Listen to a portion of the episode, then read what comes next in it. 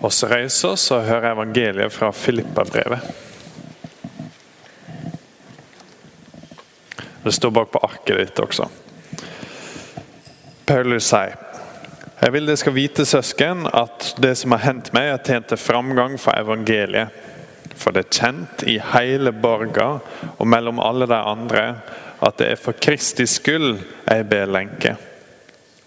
På grunn av disse lenkene har de fleste av søsknene våre fått større tillit til Herren, så de med enda større frimod enn før våger å forkynne ordet.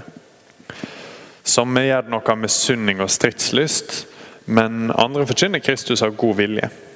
De gjør det av kjærleik, for de vet jeg er sett til å forsvare evangeliet. Men de andre de gjør det for å hevde seg sjøl. De har ikke gått i sinne og tror de kan gjøre lenkene mine tyngre og bedre. Men hva gjør det? Kristus blir i alle tilfeller forkynt, om det er med baktanker og, eller i sanning. Og det gleder jeg meg over. Ja, jeg skal få enda mer å glede meg over. For jeg vet at dette skal bli min redning ved deres bønner og hjelpa fra Jesu Kristi ande.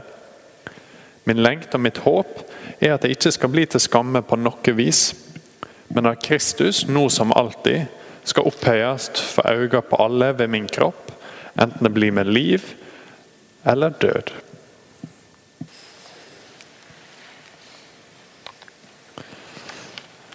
Paulus sitter i fengsel når han skriver brev til filipperne. Vi las i stad fra apostelgjerningene, eh, der han kommer til Filippi for første gang. Og Lydia, ei internasjonal businessdame, blir den første kristne i Filippi. Så hun jobber med å selge hva det var, purpurtøy eller noe sånt, og eksportere det til andre land.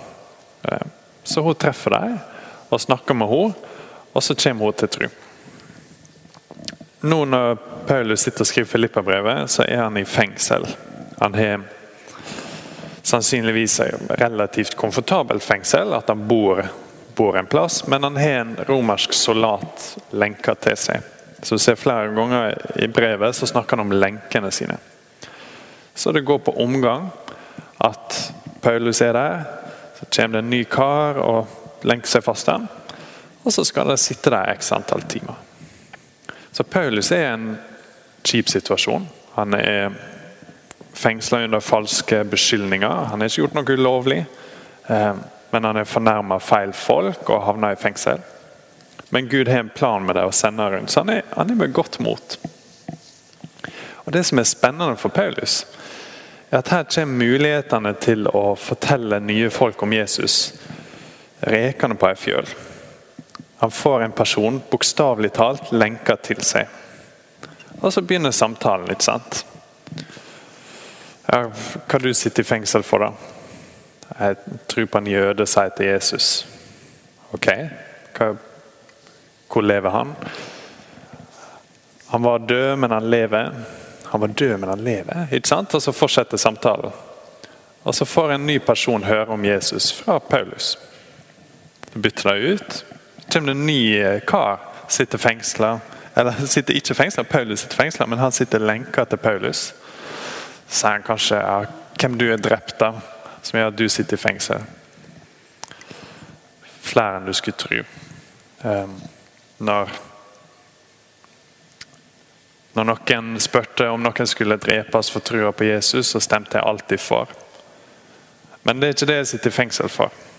For Jesus viste seg for meg, og nå er jeg blitt en av de som er forfulgte. Hva i alle dager? Du drap dem, men nå er du blitt en av dem. Her må du fortelle litt mer. Ikke sant? Og Sånn går det. Sakte, men sikkert så kommer det masse folk til ham. Og Etter hvert så sprer det seg et rykte, som du ser i, i starten av teksten, vers 13. For det er kjent i hele borga og mellom alle de andre at det er for Kristi skyld jeg ber lenke. Ehm, på gresk her så blir det tydelig at det er gjennom en stor noe som heter pretoriske vaktstyrken. Så det er snakk om kanskje 9000 stykk, eller 10 000 elitesoldater. Som plutselig vet hvem Jesus er. For Paulus sitter i fengsel, og mange av dem er nødt til å sitte lenka til denne fyren som er i fengsel, men virker som han er med godt mot og er positiv.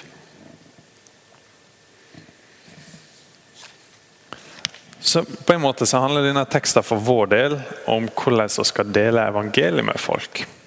Eh, og det er kanskje ikke ditt favorittema. Noen av dere er kanskje til og med der at dere er litt sånn moralsk nervøse for det. Sånn, er det egentlig rett å trykke religionen sin på andre folk? Skal komme med det oss tror på, når folk kanskje ikke tror på det samme? Um, og får, Om vi ikke får høre det direkte, så sitter vi kanskje litt med den følelsen også. At ok, jeg er en kristen, og jeg har folk rundt meg som jeg har lyst skal få vite om Jesus. Det er folk som sitter kanskje ikke lenker til meg, men de sitter ved siden av meg i hverdagen, som har lyst skal få vite mer om hvem Jesus er og ha sin storhet. Eh, kan jeg egentlig fortelle det til dem, eller blir det et overtramp? Det er en amerikansk teolog som heter Tim Keller, som jeg syns er et veldig godt poeng her. Han sier at på en måte så er det større problem hvis vi ikke sier noe. For Si at du blir kjent med noen nye i bygda. At uh, du får en ny nabo eller får en ny kollega på jobb. Og så blir dere gradvis mer kjent. Så I starten så er dere på et helt enkelt nivå. Hva heter du, hvor bor du, hva, hvem er du? på en måte. Så går tida, så blir du litt mer kjent. og begynner å finne ut hvem de er som familie, Kanskje du klarer å koble deg. oh ja, ok, da kjenner du han og han. og sånn og sånn. Eh, men etter hvert så begynner du å komme på interesse. Og kanskje til og med så begynner du å forstå litt av hvordan de tenker, og hva som får deg til å ja, tikke og takke.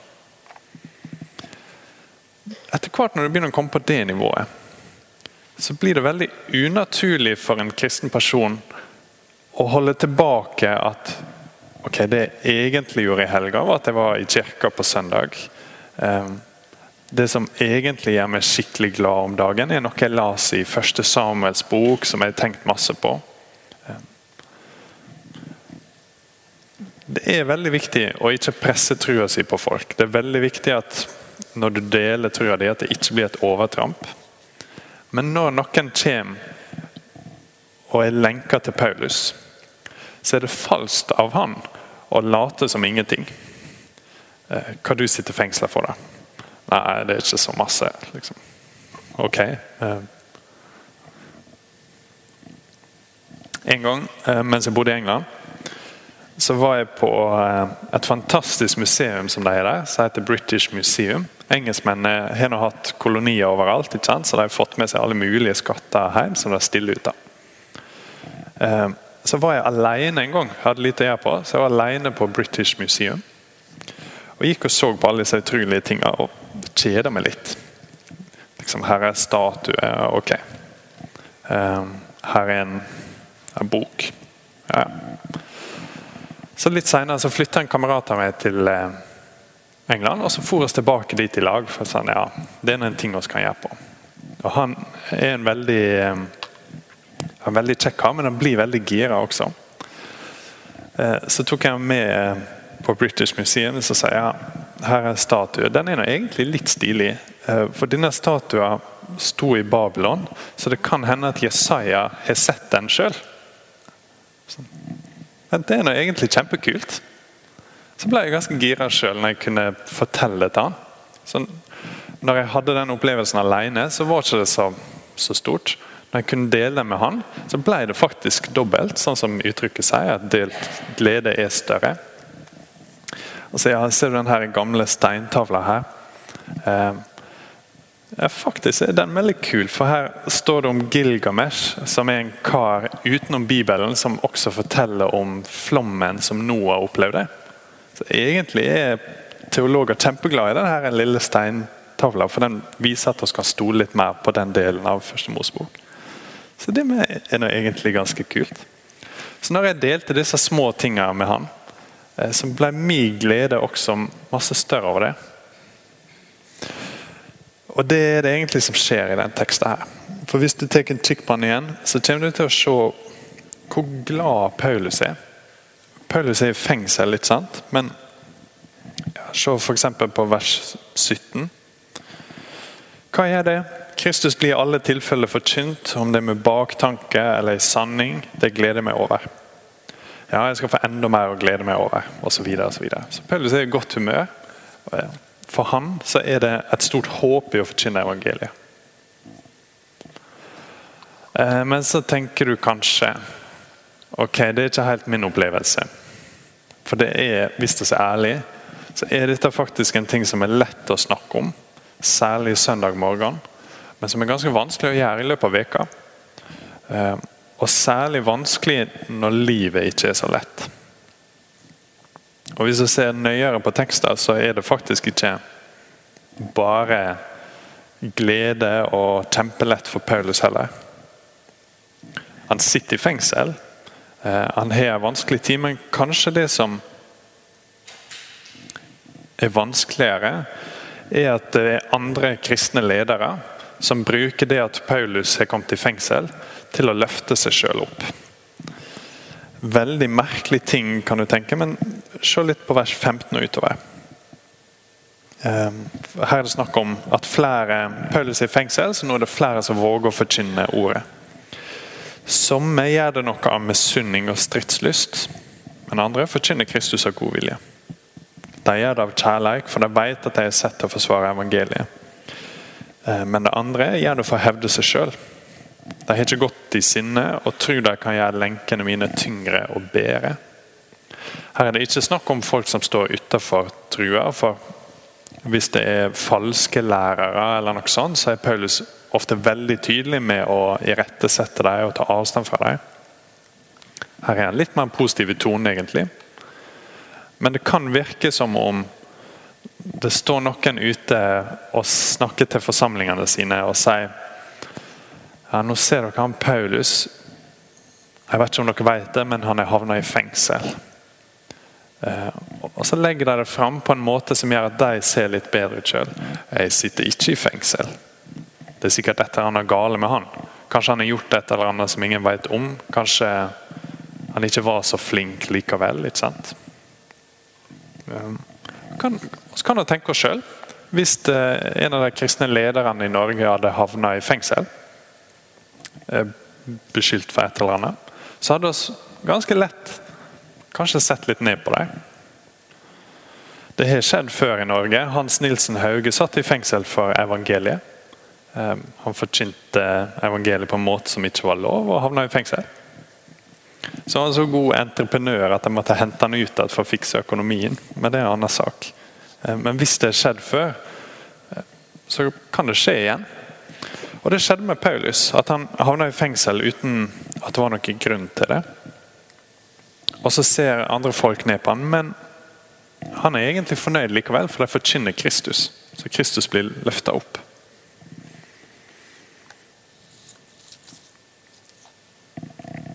Jeg tror den enkle anvendinga for vår del, hva betyr denne teksten for oss?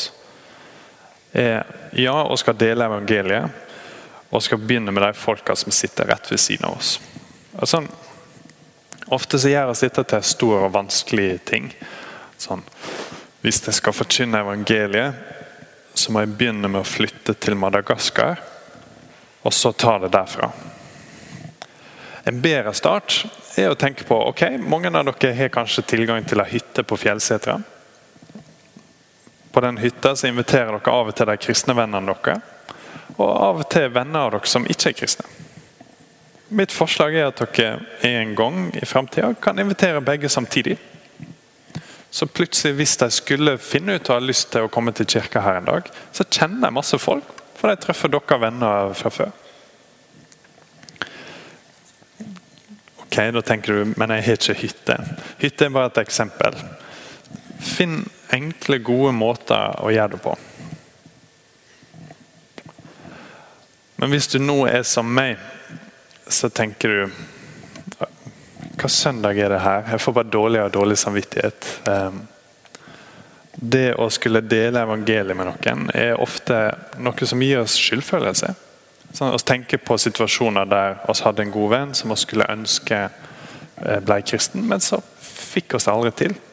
Fikk aldri forklart det skikkelig, og når vi snakka om det, så forsto ikke de. og ja, Hele greia ble unaturlig. Den viktigste tingen som den teksten her har å tilby oss, eh, er krafta til å dele evangeliet. Hvor kommer den fra, egentlig? Den kommer fra evangeliet sjøl.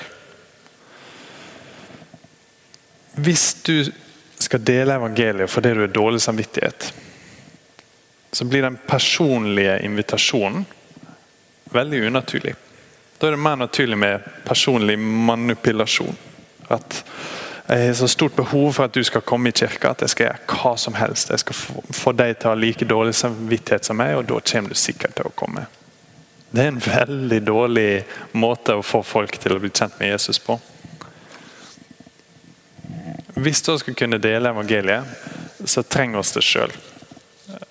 Vi trenger sjøl å se at vi ikke på noen måte frelst av vår evne til å fortelle andre om Jesus. Men Jesus er stor. Han er skikkelig god. Far sin kjærlighet er ekte, og den strømmer over til oss. Og litt sånn som da jeg var på museet med han karen, så tror jeg vår glede også kan bli større i evangeliet når vi øver oss på å sette ord til det til andre. Der er oppriktig nysgjerrige folk i Sykkylven eh, som trenger at oss deler med dem. Så måten å kunne få større frimodighet til å dele evangeliet, er å se hva Jesus måtte gi opp for vår del. Han havna i fengsel for at oss skulle få høre. Han ble forkasta for at oss skulle få komme nær. Han ble utstøtt og sendt til korset, sånn at oss skal bli ønska velkommen hjem.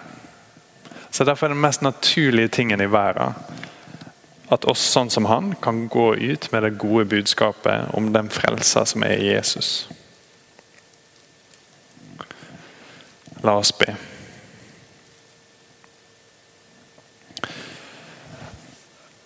Gode Gud, oss be for vennene våre og naboene våre og familie som ikke kjenner deg. Eh, oss ber om at de skal kunne komme til en levende tro på deg. Og for de av oss Herre, som er usikre på om oss kjenner deg, så ber oss om at du skal vise deg til oss tydeligere. Eh, du skal åpenbare ditt ord for oss, sånn at vi kan se deg. Og for de av oss som kjenner deg, og kanskje har kjent deg lenge, så ber oss om at du på nytt skal øke gleden vår i evangeliet. Vis oss mer av din storhet og godhet, sånn at vi også kan dele den med andre. Amen.